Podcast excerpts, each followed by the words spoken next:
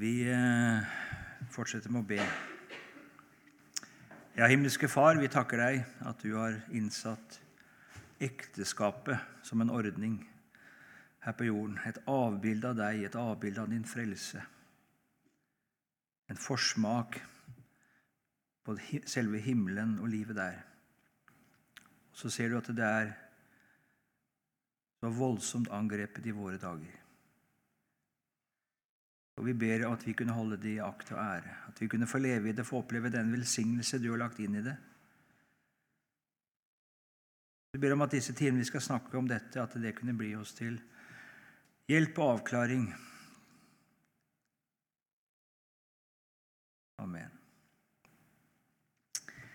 Ja, ekteskapet det er en guddommelig ordning. Det er ikke bare en skaperordning, det er det, men det er også et avbilde av Gud selv. Gud skapte mennesket sitt bilde.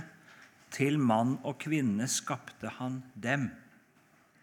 Ehm, det er også et avbilde av Guds evige frelsesråd, forholdet mellom Kristus og menigheten. Vi kan slå opp i Efeserbrevet 5. Der står det sånn i vers 31. Derfor skal mannen forlate sin far og sin mor og holde seg til sin hustru, og de to skal være ett kjød. Denne hemmeligheten er stor. Jeg taler her om Kristus og menigheten. Men også hver enkelt av dere skal elske sin hustru som seg selv, og hustruen skal ha ærefrykt for sin mann. Jeg tror ikke vi forstår hvilken enorm betydning ekteskapet har. Eh, hvordan det altså er fra Guds side tenkt å være både et avbilde av Han, et avbilde av selve frelsen. Eh, og Derfor skal vi heller ikke undre oss over at den onde setter seg inn på å ødelegge nettopp denne ordning, for derved å angripe både forholdet til Jesus, forholdet mellom Kristus og menigheten, og angripe selve Gud. Både i vår tanke, i vårt sinn og i vårt samfunn, og få, det, få han bort. Og da er det ekteskapet han angriper. Gud skapte mennesket i sitt bilde som mann og kvinne, dvs. Si mannlig og kvinnelig. Vi er ikke skapt som ett kjønn. Vi er ikke skapt som intet kjønn, ikke som en hel haug med kjønn heller. Jeg vet ikke hvor mange man opererer med, men det blir bare flere og flere. Nei, vi er skapt som mann og kvinne. To kjønn, en kjønnspolaritet med ulikheter som passer til hverandre, og som utfyller hverandre. Når det står det at det er oversatt litt forskjellig, men, men ofte er det stått at jeg skal gjøre deg en medhjelp som er eller hans like. Det står ikke 'like'. Men jeg tror kanskje uttrykket 'motsvarer' er bedre. Som passer til, som svarer til slik som en nøkkel passer i en lås, slik som en hånd passer i en hanske. Altså, det er ikke identitet, men det er en motsvarighet. Det er det som ligger i selve uttrykket. Den forskjell i vesen, i utrustning og funksjon som er mellom mann og kvinne, det er en fantastisk rikdom. Og det er en stor velsignelse i seg selv. Og det skal vi på ingen måte verken ringeakte eller utslette. Jeg å si det så sterkt jeg kan. Det er en fantastisk rikdom at mannen er mann og kvinnen er kvinne, og at de har hver sin funksjon og hver sin utrustning til å utfylle hverandre og til sammen utgjøre det Gud tenkte med mennesket. I det vi skal være like, så gjør vi vold både på mann og kvinne. Og, og, vi blir på en måte bare en, en, en, en, pervertet av det som vi skulle være etter Guds skaperordning. Og Det vil føre til skade både i ekteskap, i hjem, i menighet og i samfunn. Jeg har lyst til å si det. Dette gjelder ikke bare i ekteskapet og i menigheten. Det gjelder også i samfunnet. Det er mange som vil holde fast på det Gud sier om ekteskapet, om mann og kvinne i ekteskapet, og så er det noen som vil ha det til en viss grad i menigheten, men i samfunnet der skal vi ikke snakke om det, for det er i hvert fall ikke i tiden. Det gjelder der òg. Altså, mann er mann hvor han enn er, og kvinne er kvinne hvor hun enn er. Med de ulikheter i funksjon, utrustning, og vesen, hvor en enn er. Og det må vi ta det må vi innrette oss etter skal menneskelivet bli godt. For det første er det derfor viktig at mann og kvinne i ekteskap og hjem søker å finne sin rette plass og utøve sin gudgitte funksjon. Der hvor mannen vil og får være mann, og kvinnen vil og får være kvinne. Der skapes en trygghet og en ro omkring oppgaver og funksjoner. I stedet for intern kamp og klage. Kan bruke en sammenligning der foreldre får være foreldre og barn får være barn. Så også skapes en ro og en orden. Men der barna skal styre, der blir det kaos. Altså Det blir, det blir ikke rett. Barna skal bestemme og, og, skal på en måte en slags sånn likeverdighet. Nei, foreldre skal være foreldre, og barn skal være barn. Det er godt for barnet. Det er et ansvar barn ikke skal bære. Det er et ansvar som foreldre skal ha. Og der vi på en måte, på en, måte en slags misforstått demokratisk eller hva skal tenke, altså tankegang skal involvere barna. Nå skal barna etter alder og modenhet involveres og få lov til å ta valg. Det har vi snakket om tidligere. Men der det på en måte blir gjort galt, så blir det ikke godt. Det blir en utrygghet.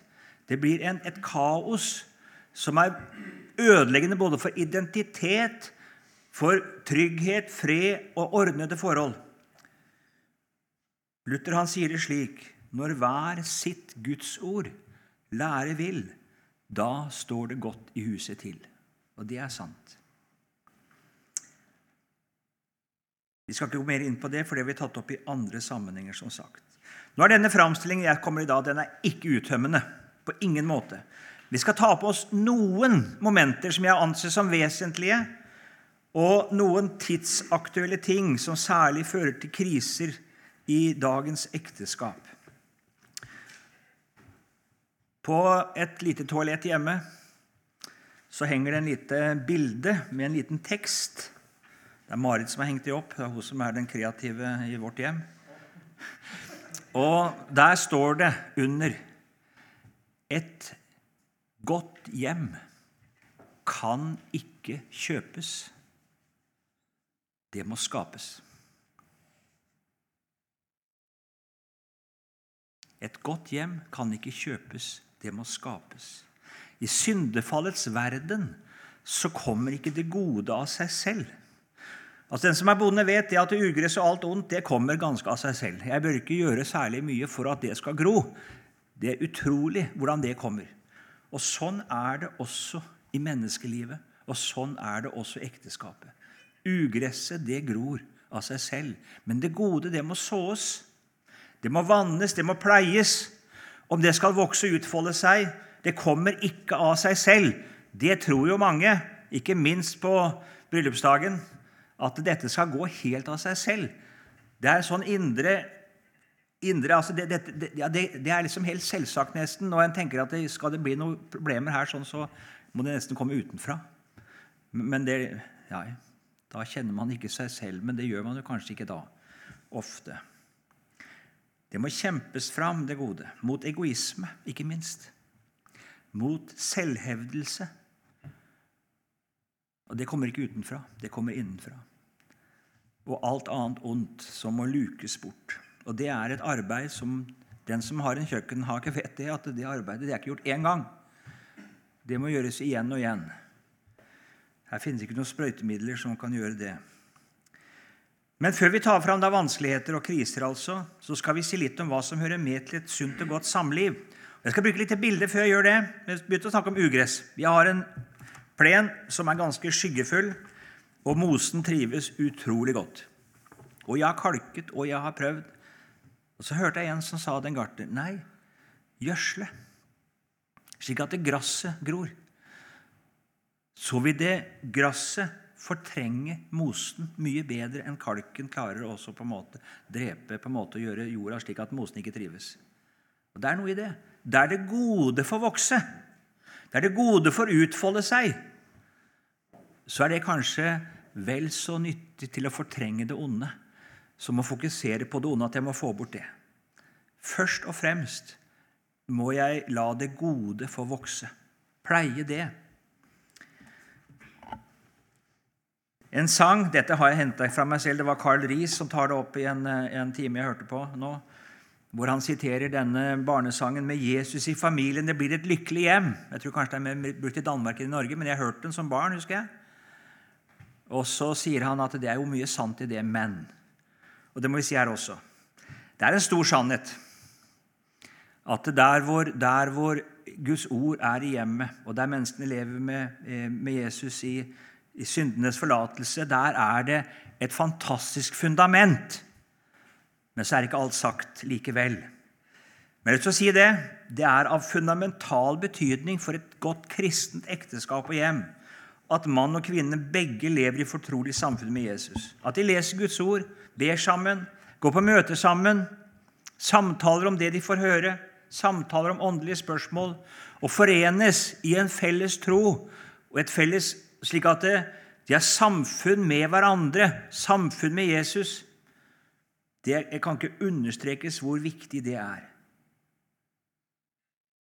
Og så skal jeg likevel ikke bruke så mye tid på det. For det er ikke nok. Det er ikke bare å si at med Jesus i familien så blir det et lykkelig hjem. Ja, Så snakker vi om det. Nei, for erfaringen sier at selv om vi leser, selv om vi går på møter Du kan bare spørre deg sjøl for Guds ord råde i sinnet ditt. For det preger ditt daglige liv i alle forhold. Selv om du går på møter, selv om du leser. Nei. Du kommer i konflikter både med det ene og det andre. Det er også lett fordi at det blir et skall, en fasade, en bekjennelse, en rutine. Og så er det ikke en kamp mot synden, mot egoismen, mot selvhevdelsen. En er blind for sin personlighet og hvordan den virker på andre. Og så er det ikke så godt. Selv om far er predikant, så er det ikke så godt i hjemmet.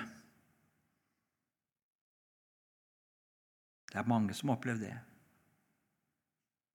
Kjærligheten kjølner. Den er der i teorien, men ikke i praktisk hverdagsliv så er den der ikke.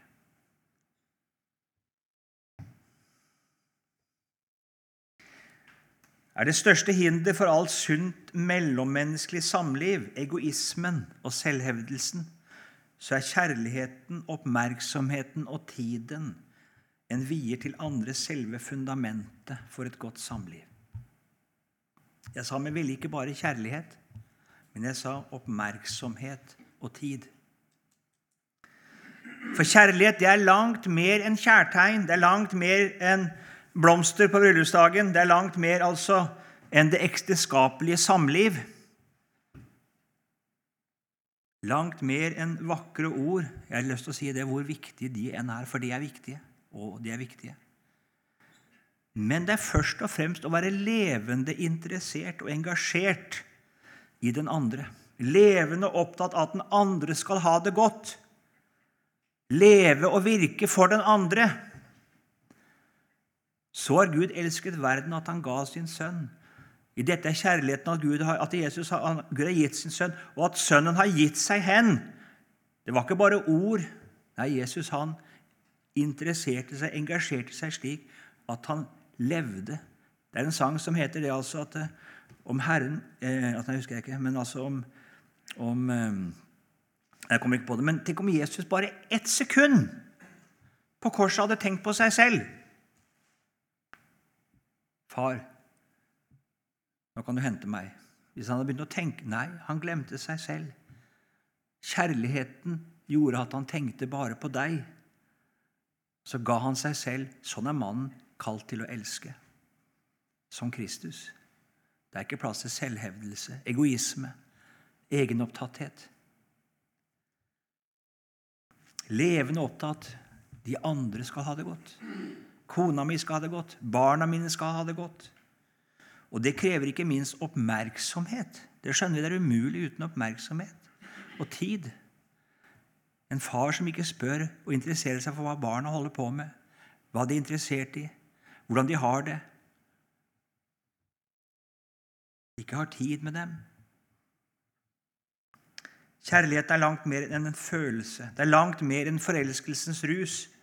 Det er først og fremst hengivenhet, selvoppofrelse, et sinn som er rettet mot den andre og søker den andres ve og vel.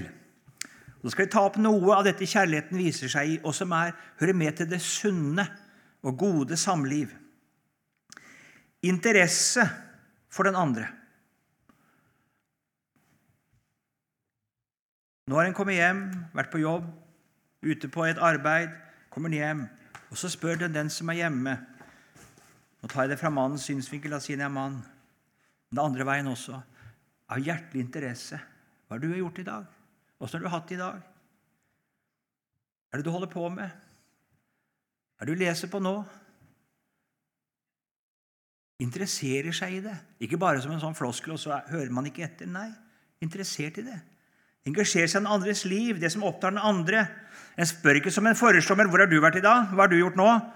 Nei, for det kan det også være noen her. Altså En slags nesten som skal være kontrollerer og passe på og på en måte Nei, men av hjertelig interesse. Hjertelig engasjement. Åpenhet og ærlighet. En deler av seg selv, forteller om det en sjøl holder på med. Det som engasjerer i eget liv og arbeid, vil innlemme den andre i det.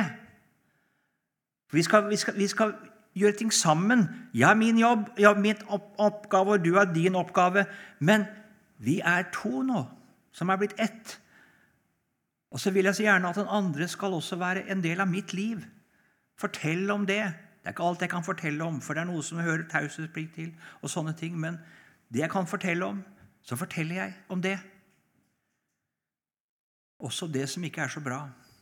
Og jeg har gjort noe i dag. Om svakheter og svikt, om nederlag og vanskeligheter. Skulle det ikke være ektefellen jeg delte det med? Som jeg snakket med om det, skal være min medhjelp? Skal han være det? Ja, kanskje er den som er best til å hjelpe meg med det. Ser det kanskje et klarere enn meg også hvorfor det har gått sånn som det har gått.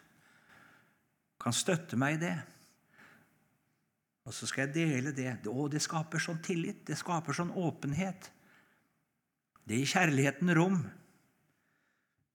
Og det gir den andre følelsen av at den betyr noe. Jeg møter masse mennesker og snakker med masse mennesker. Og så opplever jeg Marit av og til føler det at jeg snakker jo så mye mer med alle andre enn jeg snakker med henne. Ja, Betyr ikke jeg noe, da? Ja, Sånn kan en fort tenke, da. Det skal vi tenke på, særlig vi som er menn. At vi tar den tid til å samtale, snakke, involvere. For det forteller at den andre betyr hva du mener. Det betyr noe. Ikke bare hva den og den og den mener. Hva mener du? En medspiller, en medhjelp. Ikke bare et mehe. Det er kanskje ekstra viktig når hun er hjemme. Ja. Ekstra viktig da. Når mannen har mange arenaer og mange som tar kontakt og spør og snakker, da er det så ekstra viktig. Hvor den som er hjemme med barn, da ikke har så stor arena. Da er det ekstra viktig. Jeg sa det til Marit før vi gifta oss. Jeg vil ikke at du skal være et mehe.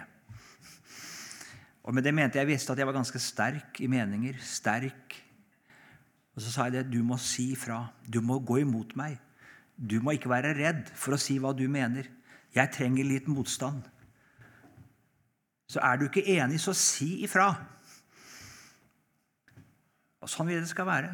For jeg trenger korrektiv. Og Jeg skal ikke overkjøre det, jeg skal høre på det. Absolutt av den som kjenner meg best, skal jeg høre aller mest. Tillit. Det er ikke bare det å og, og, på en måte at jeg skal ha tillit. Men først og fremst så skal jeg gi tillit. Overlate ansvar, overlate oppgaver til den andres skjønn.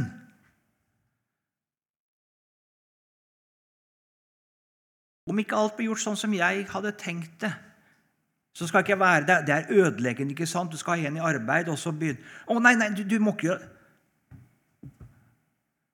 Nei.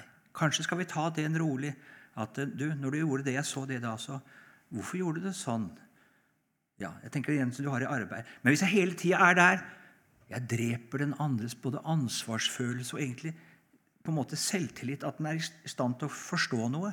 En må få lov til å feile litt. En må få lov til å gjøre noen ting. Skal den ta ansvar? Skal den modnes hos mennesket? Og sånn er ekteskapet òg. Hvis jeg hele tida er der med mine direktiver og tar tak med Så dreper jeg noe. Jeg dreper initiativet. Det er ikke noe vits i å gjøre noe, for det er sikkert feil uansett. Og så blir den egentlig bare en som går etter ordre. Det skal ikke være sånn i ekteskapet. Ikke på en arbeidsplass heller skal det være sånn. Det gjelder å vise, gi tillit. Da vil også en oppleve at den andre tar ansvar. Vokser på det. Og så ser du kanskje det at det, det var ikke sånn jeg hadde tenkt, men egentlig dette ble jo mye bedre enn det jeg hadde tenkt. For kanskje har den andre faktisk evner her og forståelse som er større enn min. Ja, det er ikke så sjeldent. Men det er bare liksom stadig nei, og så rakker jeg ned, og så Nei, du må ikke gjøre det sånn. Og så Nei. Råder, hjelper, støtter, oppmuntrer. Det er viktig. Mistro og krav, enerådighet og stadig nedlatende kritikk er fullstendig ødeleggende. Det skjer i mange hjem og ekteskap. Også de kristelige. Det gjør det. Vi har så altfor mange eksempler på det. Og du ser det på kona. Det er som oftest henne. Det kan være andre veien nå. Men det er noe kua. Det er noe drept. Det er ikke noe frimodighet lenger. Det er, det er noe som er ødelagt der. For det er en som er husets herre på en sånn måte at det er Og det er ikke, dette er ikke noen underordning. altså Det er en misforståelse av underordning her.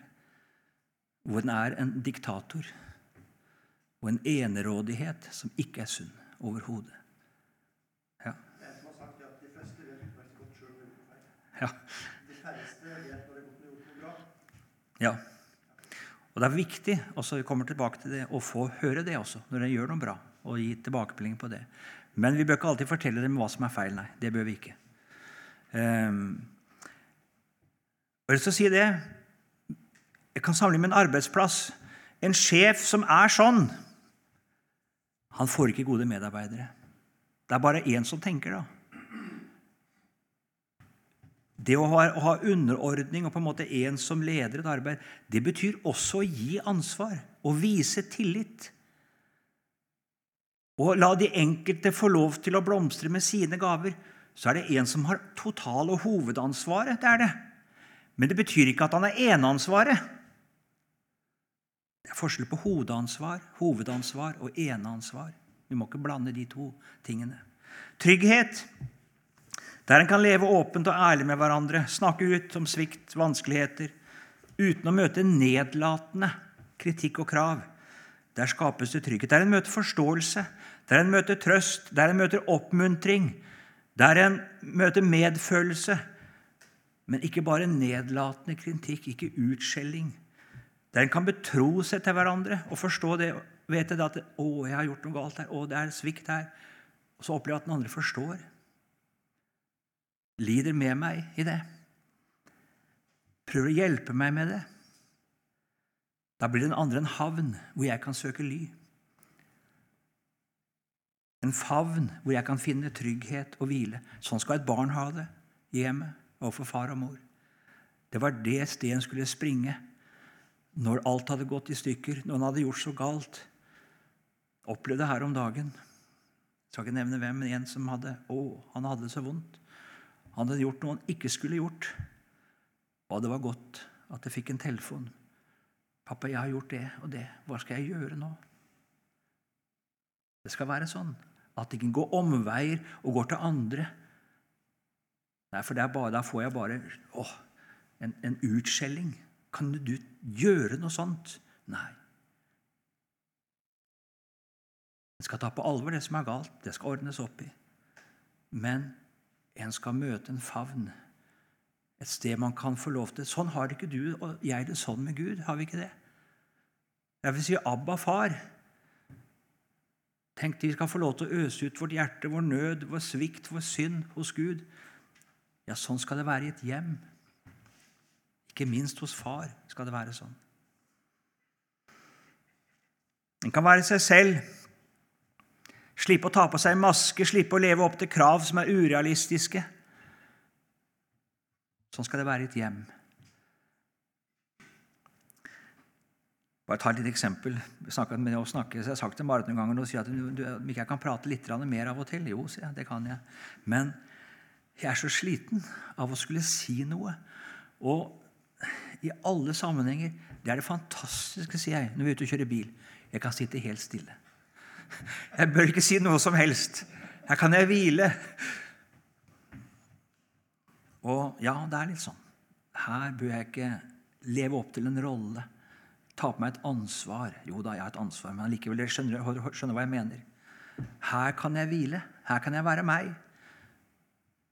Her kan jeg også ta meg inn igjen. Ja, det er noe godt ved det. Gode ord og kjærtegn, nærhet og ømhet, de er plassert ganske langt ut. Eh, men det koster så lite. Men det er altså uendelig stor betydning å si det. At en gir den andre gode ord, takker for det den andre gjør, gir komplimenter, små kjærtegn gjennom dagen, som forteller den andre det. 'Jeg ser hva du gjør. Å, jeg setter så pris på det. Jeg er glad i deg.' Det bør ikke være de store ting, men det at det er der stadig som små drypp Det er noen andre drypp som er helt forferdelige. kan lese ordspråkene, ikke sant? Sånne sure drypp og klaging Å, det er som noe forferdelig ødeleggende. Men de gode Det er ikke sikkert maten smakte som ja, du ville hatt det på en annen måte. Takk for den. Så kan du takke ekstra når det er noe du virkelig setter pris på, ikke sant? for da kanskje får du det litt oftere. Så ja, litt taktisk går det an å være.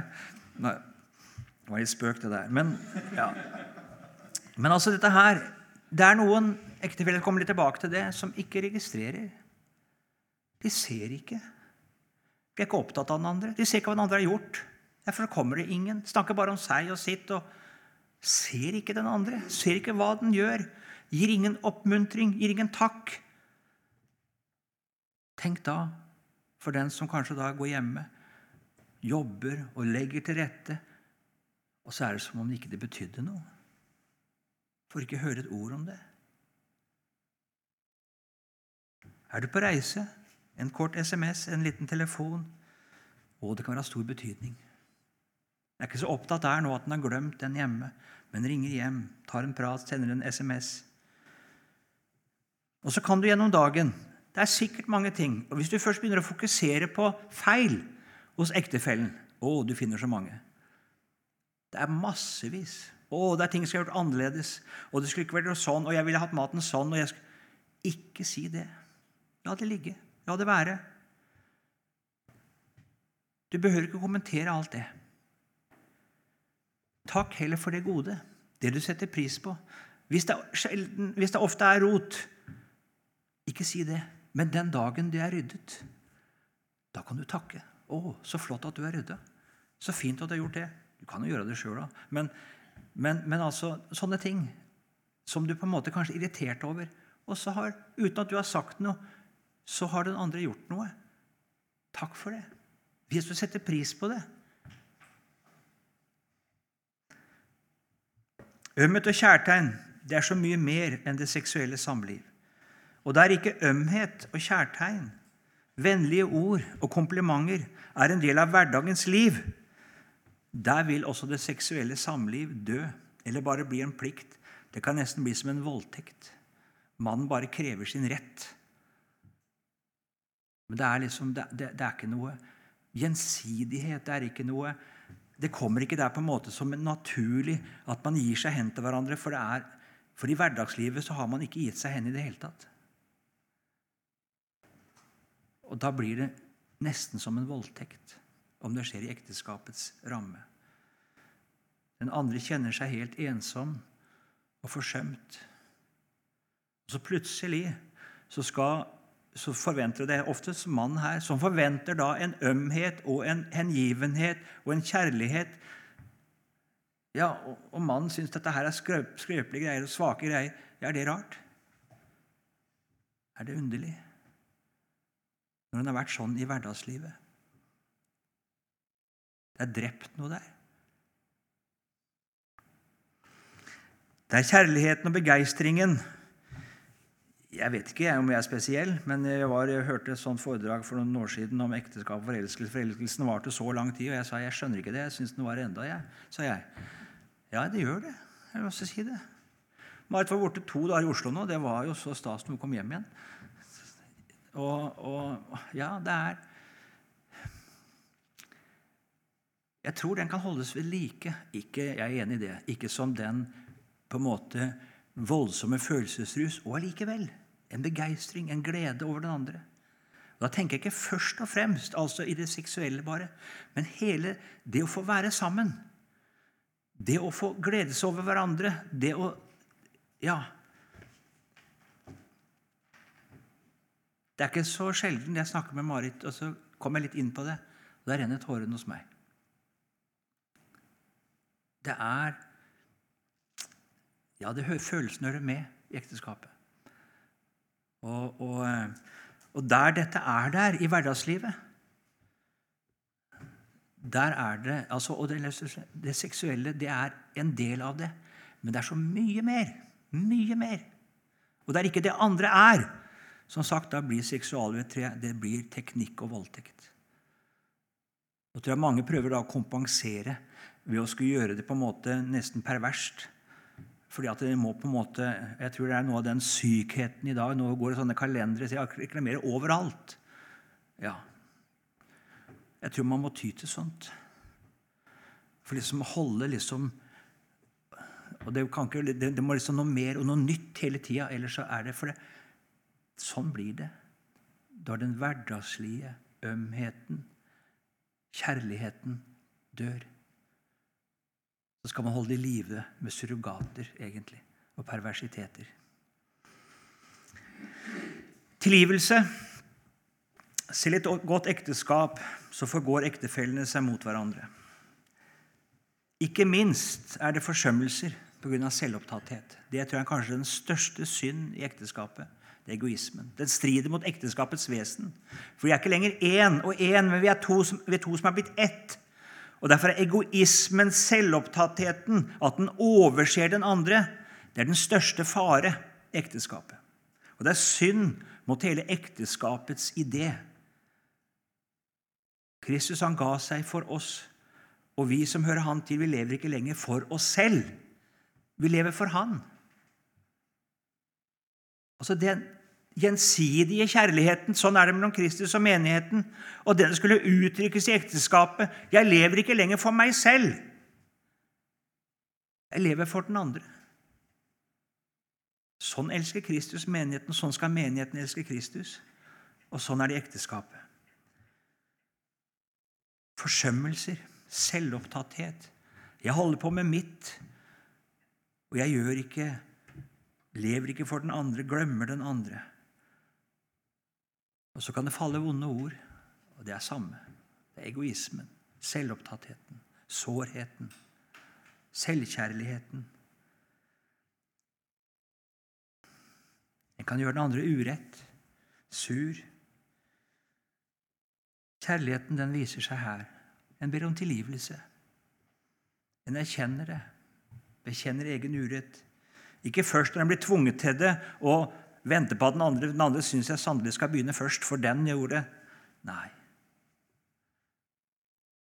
Vi hørte som barn at, at den som er størst, han gir seg først.